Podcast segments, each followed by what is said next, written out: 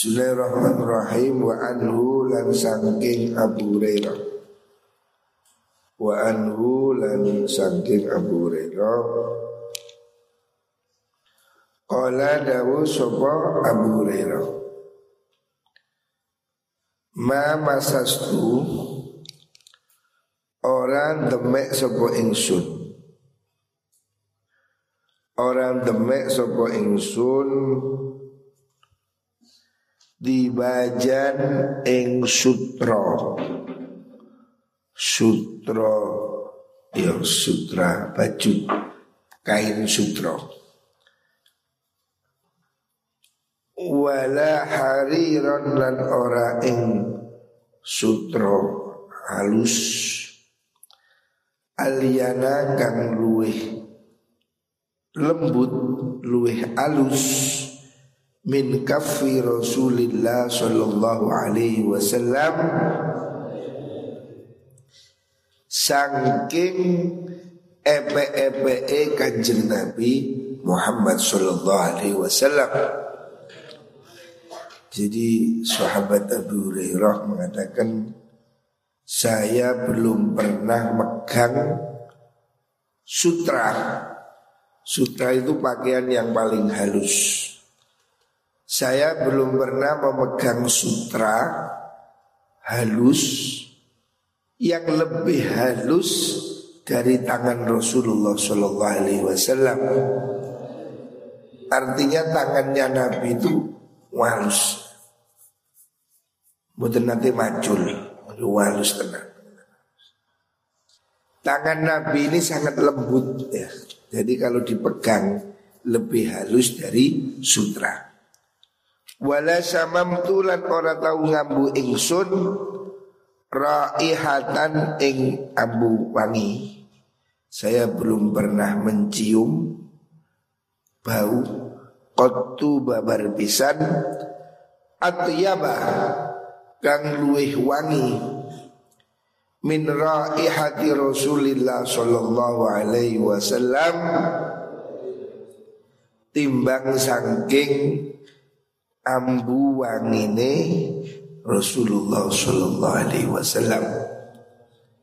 Jadi Nabi itu baunya sangat harum, belum ada bau. Oh, ini riwayat sahabat Anas. Belum ada aku cium bau sewangi kanjeng Nabi. Jadi Nabi ini memang tubuhnya secara otomatis sudah harum. Memang ini keajaiban atau mukjizat Rasulullah Sallallahu Alaihi Wasallam. Kanjeng Nabi ini tubuhnya berbau harum. Dan kanjeng Nabi itu tubuhnya tidak pernah disentuh lalat. Laler tidak pernah menyentuh tubuh kanjeng Nabi. Bersih, sangat bersih dan sangat wangi. Bayangkan ini manusia luar biasa. Sahabat Anas ini sahabat yang 10 tahun menjadi pelayan Rasulullah Shallallahu Alaihi Wasallam. Ngaji ngantuk Sehingga dia itu ngerti, tahu persis dia itu hidup melayani Nabi. Anas mengatakan tangan Nabi itu lebih lembut dari sutra dan bau tubuhnya wangi tidak ada tandingannya. Jadi bau tubuhnya ini memang asli wangi, tidak pakai Rexona, asli wangi. Bayangkan ini suatu yang istimewa. Tubuhnya keringetnya wangi. Beda mek keringetmu. Cot. Panjang Nabi nggak ada kejutnya. Memang dia manusia luar biasa. Walakot hodam tulan teman-teman nopo niku ngelatini ingsun Rasulullah ing Rasulullah sallallahu alaihi wasallam Asro sinina ing dalam sepuluh biro-biro tahun saya pernah menjadi pelayan Nabi 10 tahun. Fama kala mongko ora dawu sapa nabi li maring ingsun qattu babar pisan uffin ing lafat uff uff itu apa? Kalimat yang menunjukkan makian. Kanjeng Nabi tidak pernah memaki uffin uffin itu yo bahasa bahasa apa itu membentak atau mencelah. Jadi kanjeng Nabi tidak pernah berkata kasar. Mungkin tahu mesu, mungkin hati. Wala orang ucap sapa nabi li syai'in maring suci-wici fa'altu kang lakoni ing sudu ing Orang ucapakan lima fa'alta. Lima krono opo Fa'alta ngelakoni siro Nabi juga nggak pernah Istilahnya itu me, Maitu Maitu yo me, Kok ngono sih? Kok ngono maksudnya? Kenapa kamu begini? Kenapa kamu begitu? Itu Jadi saking halusnya bahasa Rasulullah Shallallahu Alaihi Wasallam dia itu tidak pernah membentak dan tidak pernah menyalahkan. Tapi dia menggunakan bahasa yang lebih sopan.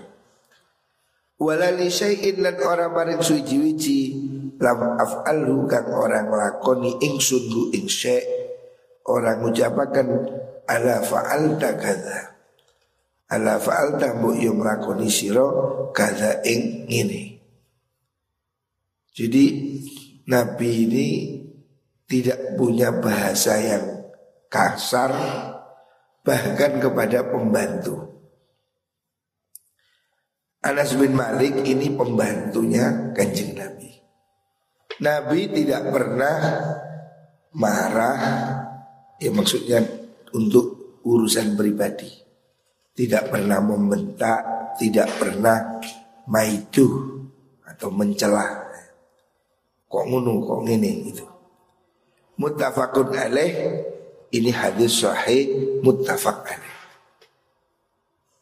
Artinya menggambarkan betapa sempurna akhlak Rasulullah Sallallahu Alaihi Wasallam. Beliau tidak pernah maki-maki, tidak pernah mesuh, tidak pernah menggunakan bahasa yang kasar. Walaupun kepada pembantu. Ya. Ini luar biasa. Jadi akhlak Nabi ini bukan hanya kepada orang besar. Sehari-hari di rumah Anas ini pembantunya. Nabi tidak pernah kasar. Jadi begitu halus, Ya mungkin beliau marah ya, tapi bahasanya tidak sampai seperti ya kita-kita. Kita-kita ini kan ya jauh. Nabi tidak punya bahasa yang kaku kasar tidak punya. Wan Nuwas bin Sam'an Lan dan riwayatakan saking Nuwas bin Sam'an radhiyallahu an Qala daw sa'al qala ngucap sapa was Sa'al tu takun ingsun Rasulullah ing Rasulullah sallallahu alaihi wasallam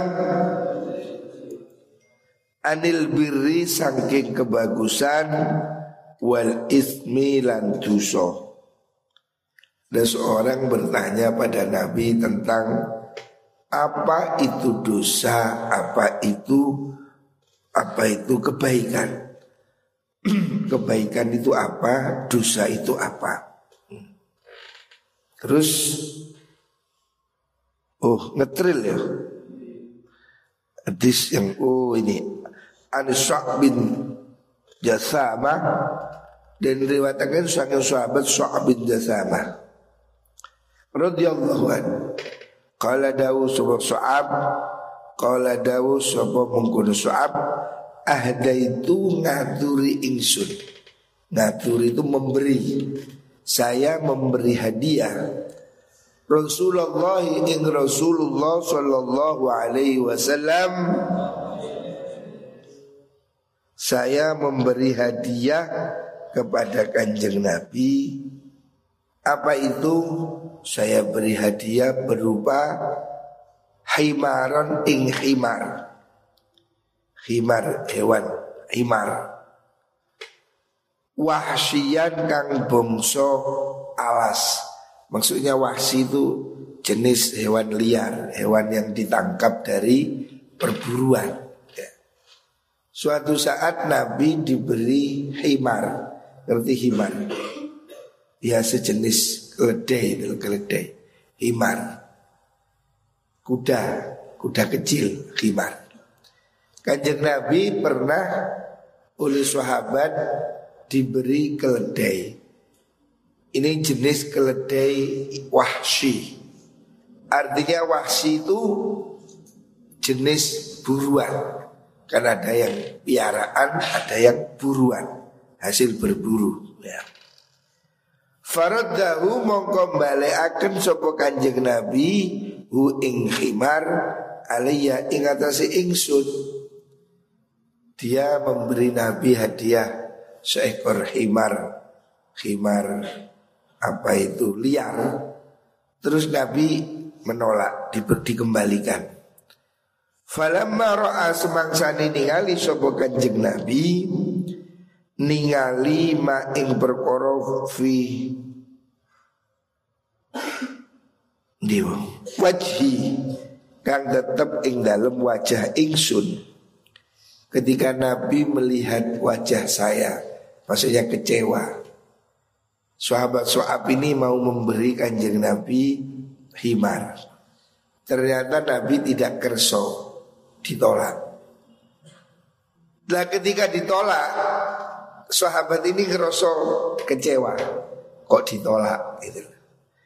Ketika Nabi melihat wajahnya sahabat ini kelihatan nggak nyaman ya. Dia merasa kecewa. Kola dawu sopo Nabi Inna sudene ingsun iku lam naruddahu ora nolak ora nolak ingsun hu ing himar alaika ing atas sira illa ana angin utawi ingsun uku hurumun wong kang ihram muttafaq alaih hadis sahih muttafaq alaih Maksudnya Rasulullah Shallallahu Alaihi Wasallam itu sangat sopan kalau dia terpaksa menolak, ya terpaksa menolak, diberi terpaksa menolak, disebutkan alasannya supaya tidak menimbulkan kecurigaan. Kenapa gak diterima? Nabi menjelaskan, saya minta maaf, nggak bisa nerima, sebab saya sedang ikhram. Orang itu kalau ikhram tidak boleh berburu dan tidak boleh menerima hewan hasil buruan. Jadi ini aturan ikhram. Bagi orang yang sedang kondisi ikhram itu tidak boleh berburu dan juga tidak boleh menerima hewan buruan. Makanya Nabi terpaksa menolak. Tapi menolaknya dengan sopan. Ya, Kanjeng Nabi biasanya kalau diberi itu menyenangkan, diterima dengan baik. Tapi suatu saat ini nggak diterima. Bukan karena apa? Karena Nabi sedang ikhram. Orang ikhram tidak boleh menerima hewan buruan. Makanya Nabi menjelaskan. Ini contoh, ini pelajaran ya. Kita ini hendaknya menghargai orang yang memberi. Walaupun itu kita tidak senang. Kanjeng Nabi diberi apa pun diterima. Kalaupun tidak bisa menerima karena ada alasan, sampaikan. Oh maaf ya, umpamanya kamu nggak doyan pete, dikasih, oh maaf saya nggak makan pete. Ngomong terus terang, jangan kamu menunjukkan sikap penolakan yang tidak ada alasan membuat orang jadi tersinggung. Ini betapa halus akhlak kanjeng Nabi. Nabi sedang ikhram, diberi hewan buruan. Nabi menolak halus. Karena yang ditolak ini kelihatan kecewa, Nabi jelaskan. Kok ini gak paham? Dijelas no, saya ini sedang ikhram, saya nggak boleh nerima hewan buruan. Ini akhlaknya, ini sopan santun, penting deh. Sopan santun ini senjata terhebat. Kamu hidup di mana pun, kalau kamu punya sopan santun, kamu pasti dihormati. Ya. Pinter kayak apa? Kalau tidak punya akhlak, tidak ada harga. Jadi ini bulan Maulid ya. Kebetulan kita bahas tentang husnul khuluq. Ya kanjeng Nabi itulah guru tentang akhlak. Kepada Nabi lah kita harus meniru karena kanjeng Nabi adalah uswatun hasanah. Ditiru deh, ngaji iling-iling. Oh Nabi begini, Nabi begitu. kita ini berusaha niru walaupun tidak sempurna. Wan was bin Sab'an radhiyallahu an qala dawu sapa Nuwas. Sa'al tu takon ingsun Rasulullah ing Rasulullah sallallahu alaihi wasallam adil birri saking kebagusan wal ismi lan dosa. Apa dosa apa itu pahala? Kala dawu Nabi al birru utai kebagusan iku husnul khuluq bagusi akhlak Inti dari kebaikan itu baik budi pekerti. Ya, itu intinya. Yang kamu harus lakukan sebagai puncak kebaikan itu adalah husnul khuluq. Kelakuan sing api. Mondok ditoto. Kelakuan sing bener.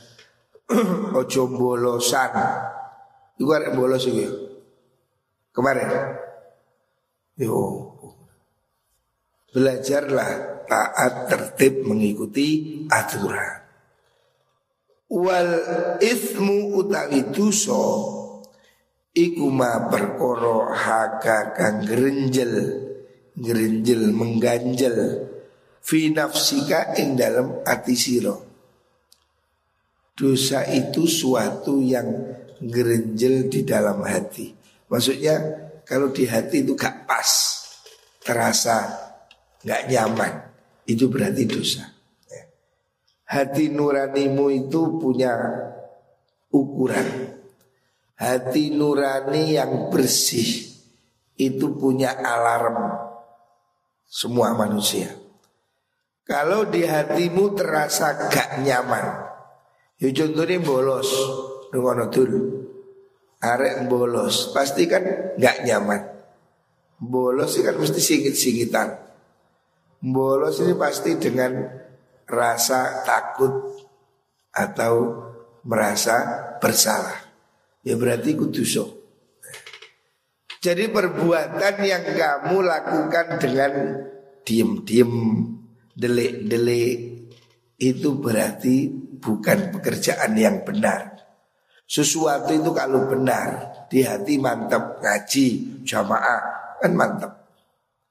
Tapi bolos, kamu bolos, hatimu pasti mengatakan ini salah. Kalau hatimu benar loh ya, kalau hatimu normal, kamu melanggar pasti di hatimu ada rasa ini dilarang, ini salah, ini dosa. Jadi bertanyalah ke hatimu.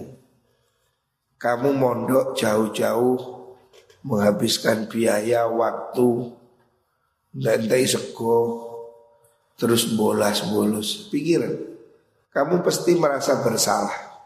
Kamu harus bertanya ke hatimu, ini loh kerja begini ini loh bener apa enggak. Bayangkan kalau bapak ibumu tahu kamu sedang bolos, bapakmu ke sini, bagaimana? Jadi kamu harus mengukur hati nurani. Sesuatu yang mengganjal di hati itu berarti dosa. Wa talan sengit siro ayat tolia ing yen to ningali alihi ing atase ma sapa annasu menungso Dosa itu sesuatu yang kamu nggak nyaman dan kamu takut diketahui. Ya contoh bolos, uh, arek sing bolosan. Perhatikan, kamu naluri hati nuranimu pasti mengatakan bolos itu jelek. Gila benar? Kon bolos, masuk kursus senang. Pasti ada rasa nyesel. Kok bolos ya? Kasihan. Kalau ketahuan bapak gimana? Kalau ibu tahu gimana? Berarti itu dosa. Jadi definisinya dosa itu sesuatu yang ganjel di hati dan kamu takut kalau ketahuan. Kalau kamu merasa gak nyaman, contoh merokok, di pondok ini dilarang merokok. Kamu ngerokok pasti singitan, delik-delik no WC. Nah, berarti itu dosa. Sebab kamu melakukannya dengan sembunyi-sembunyi. Ini harus nuranimu harus selalu dihidupkan. Rasa bersalah itu harus kamu ikuti supaya kamu tidak terus berbuat dosa. Ini salah, gitu. Jadi terus-terus dong. Ngerokok, bolos ya. Itu sesuatu yang jelek. hadis ini hadis urwahu muslim diriwayatkan oleh Imam Muslim. Wan Abdullah bin Amr bin As radhiyallahu anhuma qala dawu sapa Abdullah lam yakun ora ono Sapa Rasulullah sallallahu alaihi wasallam iku fahishan wong kang guneman Allah. Nabi itu bukan orang yang kasar. Wala mutafakhishan lan orang merti-merti Allah. Merti-merti Allah itu ya ya ya nemen-nemen nih. Artinya kanjeng Nabi itu bukan orang yang omongnya jorok atau kasar. Kanjeng Nabi tidak pernah ngomong yang jorok-jorok. Ngomong sing saru. Ngomong sing gak pantas. Nabi tidak pernah berkata jorok atau berkelakuan jorok. Tidak pernah. Wala mutafahishan. Jadi Nabi itu tidak pernah melakukan sesuatu yang tidak bermoral baik tindakan ataupun ucapan. Hanya Nabi ini orang yang sangat halus. Ini supaya kita bisa bayangkan seperti apa Rasulullah Shallallahu Alaihi Wasallam yang kita nut, yang kita ikuti itu seperti apa. Dari sini kita bisa bayangkan, Yuh, dia itu manusia agung. Tidak pernah ngomong jorok, ngomong bangsa ini onderdil onderdil itu loh. Pak guru metokon ci ah niku kata ngomong sing menjerus menjurus niku sing Nabi tidak pernah ngomong yang jorok. Ataupun berbuat yang jorok. Atau purno-purno itu loh. Tidak pernah. Jadi Nabi itu tidak pernah ngomong yang jelek. Wala bundio. Wa lan ono sapa Kanjeng Nabi? Iku yaqulu dawu sapa Nabi inna min khiyarikum setune iku saking luwih bagus sira kabeh ahsanakum utai luwih bagus sira kabeh apane akhlakon akhlak hadis sahih muttafaq alaih Nabi mengatakan manusia terbaik, manusia yang paling bagus akhlaknya. Jadi kita ini mesti terus menerus ya kontrol, terus menerus introspeksi. Kita ini jangan rumongso sudah baik. Ukurlah dengan kanjeng Nabi. Jangan merasa puas jauh dibanding Nabi jauh. Perilaku kita harus selalu mengaca pada kanjeng Nabi. Wan Abi Darda lan den riwayataken saking Abu Darda radhiyallahu an anna nabiyya sunnah Nabi Muhammad sallallahu alaihi wasallam qala dawu sapa Kanjeng Nabi ma min syai'in. Ora ana saking suci-wici Aqalu kang luwih abot fil mizani ing dalam timbangan fi mizanil mukmini ing dalam timbangane wong mukmin. Tidak ada yang lebih berat dalam timbangan orang mukmin. Yaumal qiyamati ing dalam tino kiamat.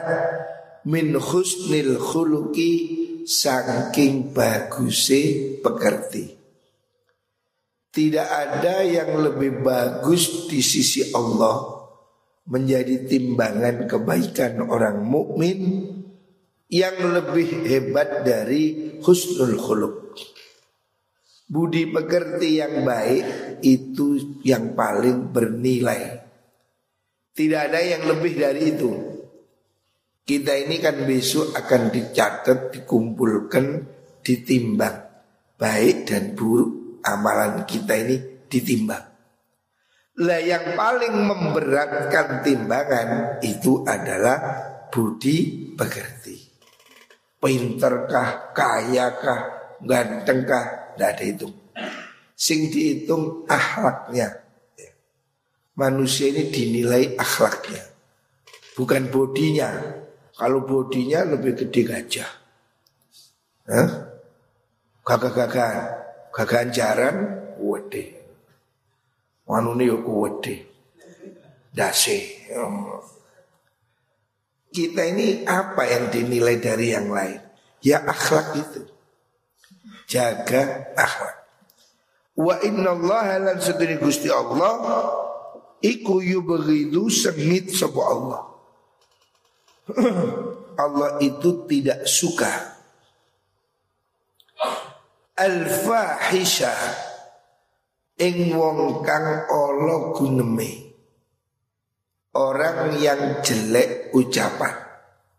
Allah tidak suka orang yang mulutnya kotor. Allah tidak senang orang yang jorok. Al-badhi'ah al-badhi'ah yo kang Allah gunemane. Kanjeng Nabi tidak suka orang yang mulutnya jorok dan kotor.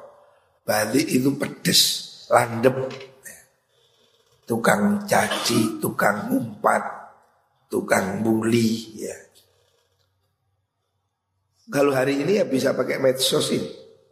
Pakai ini kan bisa orang maki-maki orang, memfitnah, menggosip, kalau dulu mulut.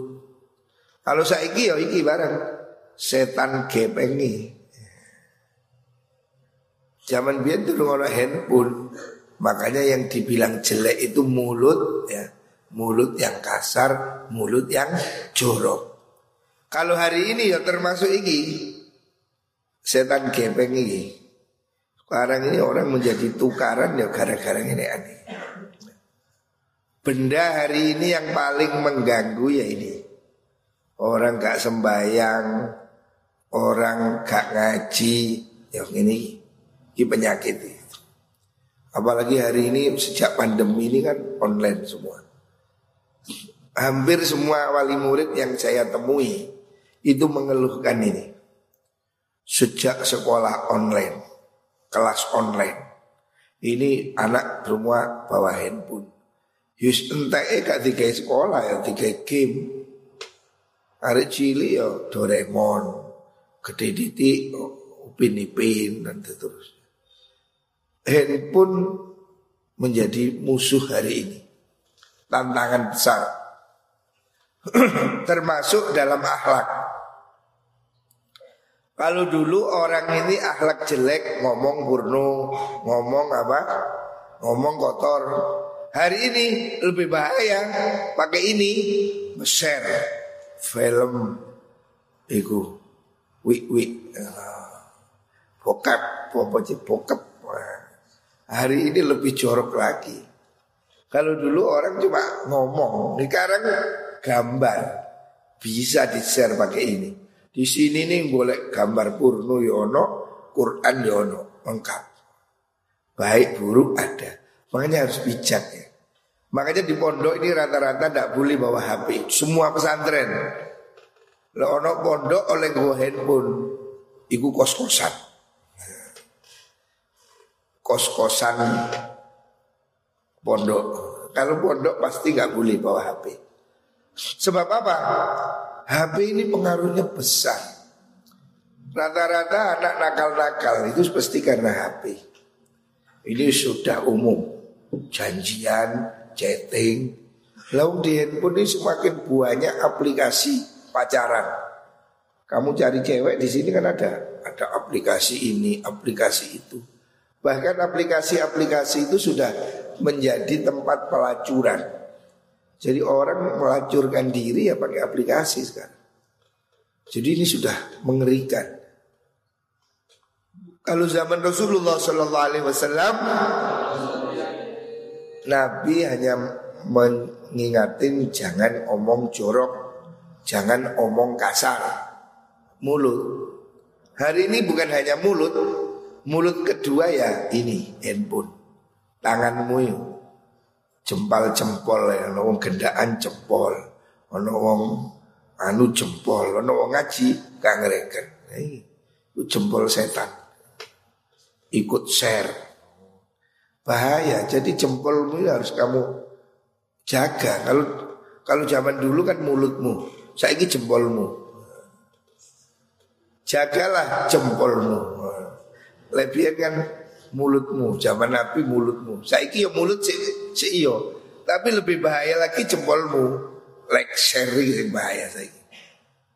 Untuk gambar yang gendaan like share. Gambari muto like share ngaji lewat. Ini jempol setan. Bahaya. Jadi ini hari ini kita ini dijajah oleh handphone luar biasa. Makanya di pondok kenapa nggak boleh bawa handphone? Berbahaya. Kasus-kasus anak nakal, gak lanang, gak wedok, ya dari handphone. Itu sudah sudah terbukti. Makanya mau nggak mau ya harus anak-anak usia sekolah jauhkan dari HP. Jok khawatir nanti kalau anak saya ketinggalan teknologi, kak kira. Saya ini contoh, kalau zaman dulu TV, ayah saya tidak punya TV. Jadi saya masa kecil saya di rumah saya, rumah ayah saya tidak ada TV, nggak punya TV. Jadi saya dulu kalau mau lihat TV pergi ke tetangga. Tidak punya TV, ayah saya tidak beli TV. Jadi di dalam sepuh sana, dua rumah, rumah saya sama rumah kakek saya, tidak ada TV-nya. Sampai meninggal, sampai almarhum wafat, tidak ada TV. Dan itu memang doktrin, ayah saya nggak mau beli TV. Bukan nggak bisa beli, saking khawatirnya kalau anaknya kecanduan TV. Jadi nggak boleh lihat TV nggak boleh. Jadi saya nggak sampai hari ini nggak seneng lihat TV lagi. TV ku nganggur. Nggak suka TV. Ya karena sejak kecil saya dididik tidak pakai TV.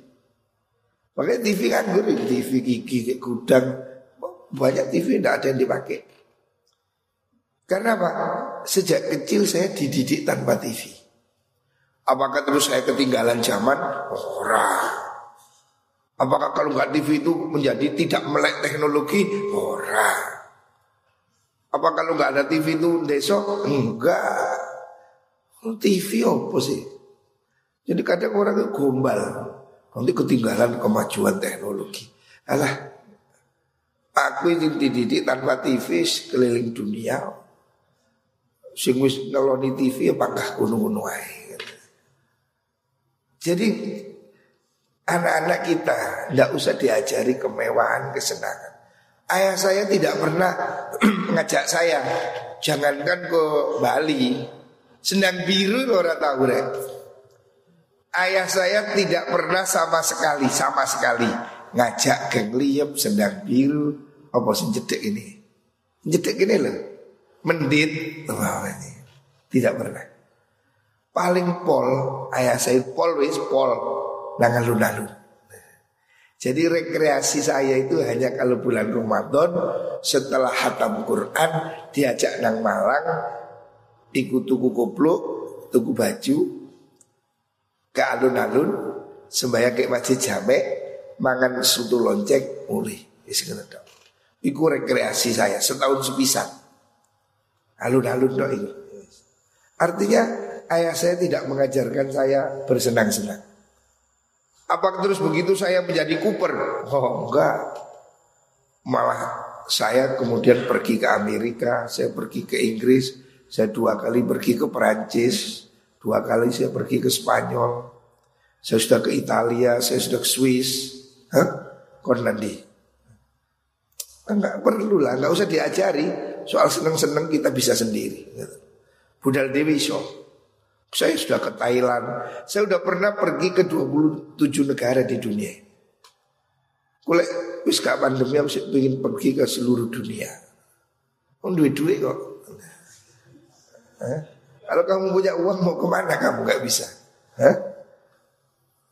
Jadi untuk seneng-seneng nggak usah diajari. Pinter dewek. Ayah saya tidak memberi saya TV. Saya bisa beli TV, bisa semua bisa. Jadi untuk kesenangan nggak usah diajari. Kita ini yang harus diajari itu kesederhanaan. Kita itu harus diajari ketertiban, kedisiplinan. Itu yang diajarkan. Ajari Al-Quran. Selebihnya Al-Quran akan mengajari kamu hidup. Ya. Gak usah lah kamu ini bingung handphone. Apa? Saya pun juga nggak suka anak saya di pondok akhirnya ya nggak boleh bawa handphone. Walaupun mondoknya di Azubaita, nggak boleh saya bawa handphone. Sudah, nggak perlu. Sekarang fokus ngaji. Besok lewis mari kon tuku handphone sepuluh gak apa-apa. Jangan berpikir bersenang-senang. Saiki wayai nandur, besok wayai panen. Muka-muka dimudahkan semua oleh Allah Subhanahu wa taala.